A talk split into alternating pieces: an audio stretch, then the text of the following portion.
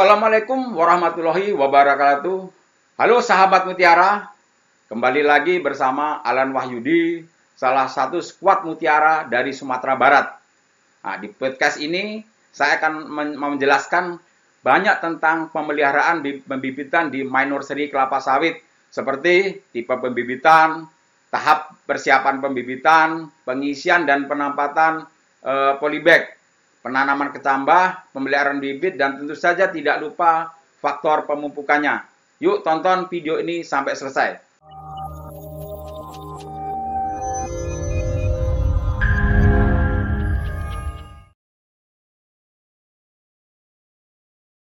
Halo, selamat datang di channel YouTube kami, NPK Mutiara TV. Di channel ini, Anda akan mendapatkan informasi dan edukasi seputar pertanian, khususnya nutrisi tanaman. Tonton video-video kami, jangan lupa like video kami, subscribe, dan pentung tanda loncengnya untuk terus mendapat update dari kami.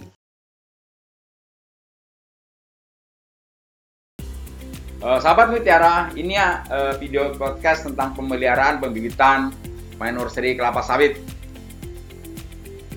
Tujuan kita melakukan pembibitan minor seri ini hampir sama dengan tujuan kita melakukan pembibitan minor seri tadi.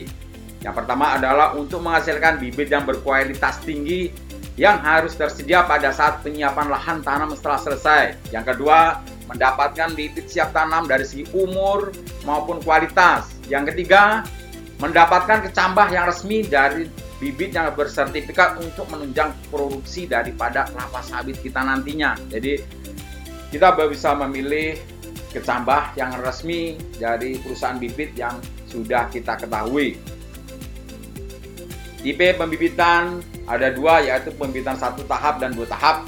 Yang pertama, pembibitan satu tahap ini bertujuan untuk membangun pembibitan yang mampu menghasilkan bibit yang sehat untuk penanaman di lapangan dengan cara penanaman kecambah langsung pada pembibitan utama tanpa pembibitan awal. Jadi langsung pembibitan eh, minor seed langsung. Kemudian ada kedua ada pembibitan dua tahap. Pembibitan dua tahap ini ada pembibitan, mulai dari pembibitan awal tiga bulan, kemudian kita lanjutkan setelah tiga bulan pembibitan utama. Jadi ada dua tahap pembibitan ini. Kemudian kita masuk ke pembibitan minor seri. Ingat, persiapan lahan ini sangat penting. Lokasi pembibitan kelapa sawit ini dipilih di suatu tempat yang terletak di pusat area atau strategis. Rata dan datar, terbuka dan jauh daripada bencana alam. Yang kedua, dekat sumber air yang permanen untuk penyiraman dan aman dari gangguan liar, liar binatang liar. Kenapa eh, saya bilang dekat sumber air yang permanen? Kita usahakan sumber air yang permanen kalau musim kemarau airnya tidak kering. Jadi karena bibit ini memang penting e, penyiraman ini sangat penting. Yang ketiga adalah dekat dengan jalan raya. Nah, kenapa harus dekat dengan jalan raya? Supaya nanti kalau pembibitan minor seri ini sudah pindahkan ke lapangan, itu memudahkan akses kita untuk transportasi bibitnya. Tahap persiapan pembibitan di minor seri adalah satu pembuatan drainase dan instalasi instalasi pipa. Pembuatan drainase ini mengikuti pipa sekunder dan jaringan penyiraman dan instalasi pipa penyiraman. Ketiga ada eh, dua adalah penyiapan polybag. Polybag untuk pembibitan minor seri ini sebaiknya menggunakan yang terbaik ada ukuran 40 cm dikali 50 cm, tebal 0,2 mm dan terdapat lubang di polybag. Jadi memang minimal kalau kita ukuran polybag ini 3540. Itulah minimalnya. Kemudian 40 50. Kemudian tahap persiapan bibitan demors ini adalah persiapan media tanam. Nah, media tanam ini tanah. Ini tanah sebaiknya menggunakan tanah lapisan topsoil yang gembur, subur, bersih dari potongan kayu dan sampah serta banyak mengandung bahan organik. Dan ingat, ini dia ambil dari lahan yang bebas daripada serangan jamur atau penyakit genederma. Kita kita mengambil media tanam kita ini kita harus melihat sekitar kita ada nggak sekitar kita tanaman kelapa sawit ini yang terserang penyakit genederma. Karena yang kita takutkan jika kita ambil tanah sekitar pada kelapa sawit penyakit genederma ini, jamur ini akan terbawa di media tanam ini. Kemudian tanah sebelum diisi eh, ke polybag diayak dan dicampur dengan pupuk rock fosfat secara merata dengan dosis 500 gram per 100 kg tanam. Jadi dosis pada pupuk RP rock fosfat ini ya fosfat untuk penumbuhan akar kita harus memakai P Rock ada kandungan 27% P25 dosisnya 500 gram atau setengah kilo per 100 kg tanah. Nah, jadi kalau ada tanah yang kurang gembur dapat dicampur dengan pasir perbandingan 3 banding 1. Kemudian tanah sebelum diisikan polybag ini didiamkan selama satu bulan. Ini adalah contoh layout daripada pembibitan minor kita. Jarak antar polybag yang paling bagus ada segitiga sama sisi 90 cm kali 90 cm kali 90 cm segitiga mata sisi dan sudah termasuk jaringan irigasi dan jalan kontrol. Kira-kira sekitar kalau kita pembibitan satu hektar itu jika pipa penyiraman sama dengan ukuran 90 kali 90 kali 90 ini muat sekitar 13.500 bibit. Dan setiap hektar bibit nursery cukup untuk mensuplai 75 hektar lahan pertanian. Yang keenam ada proses selanjutnya ada pemancangan. Pemancangan dilakukan apabila instalasi penyiraman ini sudah selesai kita lakukan dibuat dengan jarak 90 90 kali 90 segitiga mata sisi. Kemudian setiap petak diisukan 5 baris 40 atau 50 pokok dan baris ke-6 dikosongkan untuk jalan kontrol kita. Setelah semuanya harus selesai, harus melakukan pengisian dan penempatan di polybag. Yang pertama, pengisian polybag di main nursery ini harus dimuat selambat-lambatnya waktu ketambah sudah masuk ke kebun atau bibit penetrasi masuk kebun. Hal ini untuk memberikan waktu agar tanah dalam kantong cukup padat. Yang kedua, tiap kantong isinya kira-kira 20 kg tanah sampai setinggi 1 cm dari bibir polybag. Setelah padat kira-kira menjadi 3 cm, mengisinya kembali dan guncang dipadatkan jadi guncang ya supaya padat e, tanah dalam polybag tadi kemudian tanah polybag jangan tanah basah atau tanah, bergumpal. Karena kalau ke tanah yang bergumpal itu terdapat rongga. Rongga di dalam media tanam kita sebenarnya itu. Rongga itu udara bisa e, tanah dan lebih panas tanah dalam polybag ini. Yang keempat ujung polybag jangan terlipat di dalam dan tanah agar diratakan. Yang kelima Periksa bahwa seluruh polybag dapat terjangkau oleh pekerja dengan jalan pemisah. Uh, setelah semuanya selesai, kita harus melakukan pemindahan bibit ke nursery. Sehari sebelum bibit eh, dipindah ini harus disiram sampai jenuh. Jadi polybag ini harus disiram sampai jenuh. Kemudian tanah dalam bakaran lembab dan tidak terganggu selama pemindahan. Yang ketiga, Bibit yang dipindahkan harus bibit yang sehat dan normal. Bibit yang sudah bertiga daunnya tiga atau empat helai. Jadi waktu saat pemindahan bibit dari prenusi minor ini kita harus melihat bibit yang abnormal normal ini harus kita singkirkan atau kita buang. Jangan ikut kita tanam di pembibitan minor nursery. Yang kita, kalau kita tanam kita uh, di nursery otomatis nanti terangkut juga ke lapangan kalau sudah perawatan kira-kira 19 tahun. 5 Periksa jumlah dan jenis persilangan yang terdapat persilangan tabel dan kategori. Jadi kita kalau memang di pembibitan itu ada beberapa varietas, kita memang harus uh, buat pembibitan ini uh, ini varietas A, B, dan C. Setelah semuanya selesai, kita harus melakukan penanaman bibit di main nursery. Lubang tanam dibuat dengan menggunakan pipa lubang tanam. Terlebih dahulu, dasar plastik polybag dipotong dikoyakkan kemudian dimasukkan ke dalam tanah polybag dan plastiknya tarik keluar Jadi ingat dalam pengambilan baby back di pembibitan penusri ini tanah bongkahan ini harus terikut ke tanam ke uh, polybag. Jangan sampai usahakan pecah atau uh, terpotong. Nah,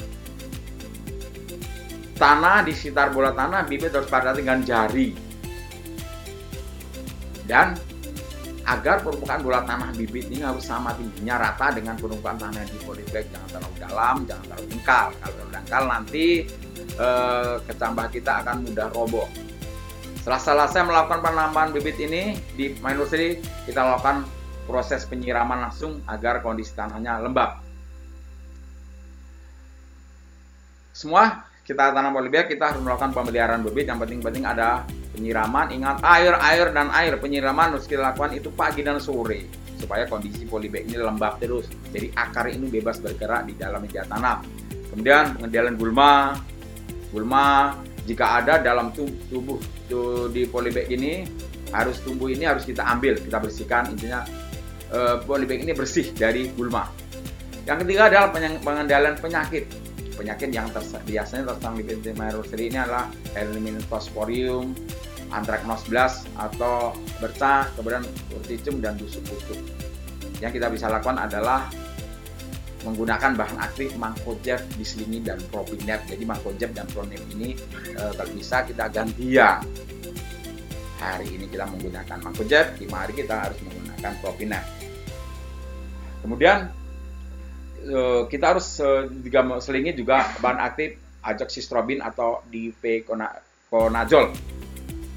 Dan apabila lebih efektif, efektif lagi ini, bibit nursery kita nih yang ada terserang bercak penyakit, baiknya kita sisihkan, kita pelihara ke daerah yang jauh daripada uh, pembibitan nursery ini. Kita siram dengan atau kita mengendalikan dengan uh, fungisida bahan aktif azoxystrobin ataupun plus di veganazol. Kita lakukan penyiraman eh, pengendalian ini lima hari sekali. Itu adalah pengendalian penyakit. Hama tanaman di pemeliharaan eh, pembibitan virus ini yang paling banyak biasanya adalah lalang. Lalang kita bisa menggunakan propanapir, piponil atau spermetrin, semut. Biasanya ada juga yang menggunakan fipronil. Kalau hama tanah, eh, jangkrik dan keong kita biasa menggunakan karbuburon yang kita letakkan dalam polybag. Nah ini dia sahabat mutiara pemupukan di manusri ini sangat penting untuk menghasilkan bibit yang hijau, bonggol besar maupun kualitasnya. Dan umur e, eh, 12 bulan ini sudah siap pindah lapangan dengan bibit yang maksimal. Ada peran unsur hara makro dan mikro. Unsur hara makro adalah unsur hara yang dibutuhkan tanaman dalam jumlah banyak. Sementara unsur hara mikro, unsur hara yang dibutuhkan tanaman dalam jumlah sedikit. Selain kedua faktor ini, ada faktor air, sinar matahari, karbon dioksida, dan oksigen. Ini adalah salah satu penentu daripada tanaman kita tumbuh maksimal. Pemupukan di nursery. Nah, ini dia. Nah, penting sekali ini saya jelaskan kita melakukan pemupukan itu seminggu sekali. Jadi 13 sampai 17 minggu kita menggunakan karate plus boroni dan NPK mutiara sprinter 20 10 10. Ini 13 sampai 17 minggu. Ini prosesnya ditabur. 2 gram 2 gram ini adalah dosis per batang.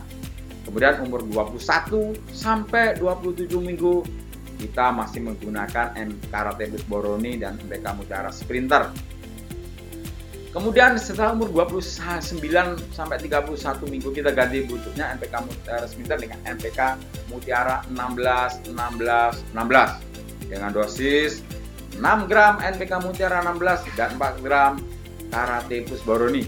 3341 10 gram NPK Mutiara 16 16 dan 5 gram Karate Plus Boroni.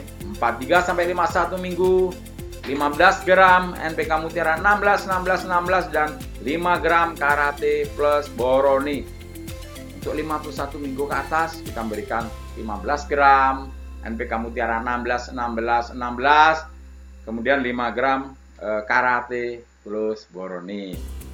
Jadi kita memang ini tidak butuhkan adalah NPK Mutiara 16 46 gram.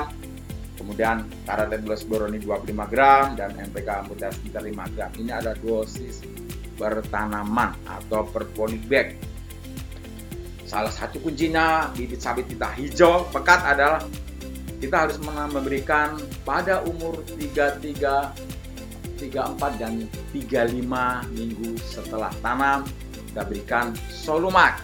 Nah, atau esta isamac dengan dosis 10 gram per uh, polybag. Ini adalah uh, bagan atau diagram pemupukan pendidikan minor seri karate boroni ini berperan penting untuk ujung-ujung akar tanaman juga akar-akar baru tanaman. Oke.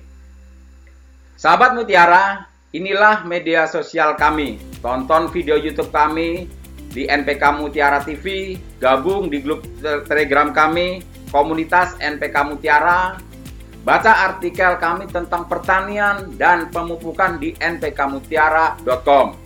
Untuk update kegiatan dan informasi edukasi lainnya juga bisa di Instagram dan Facebook Merauke Tetap Jaya. Terima kasih. Sahabat Mutiara, kesimpulan dari video podcast ini adalah yang pertama, seperti uh, episode yang uh, sebelumnya pembibitan parent nursery, di pembibitan parent nursery yang paling penting juga itu adalah media tanam. Kita harus mengambil media tanam kita di pembibitan nursery ini adalah media tanam tala dari lapisan tanah top soil, kemudian yang gembur, kemudian di sekitar eh, kita mengambil tanah media tanam kita ini harus bebas penyakit genoderma. Yang kita takutkan adalah nanti kalau kita ambil tanah yang bekas-bekas tanaman eh, tanah dia genoderma ini akan tertular ke tanaman lainnya.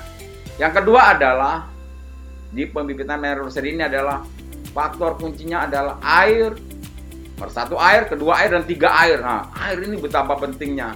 Jadi kalau kita melakukan penyiraman itu harus pagi dan sore. Tanah harus lembab.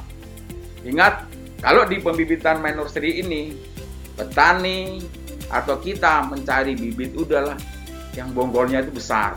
Nah, bonggol besar itu sangat dipengaruhi oleh faktor eh, air. Jadi penyiraman. Kemudian faktor pemupukan. Pemupukan ini sangat penting sekali. Kita harus rutin melakukan seminggu sekali sehingga nanti dihasilkan bibit yang kualitasnya lebih bagus.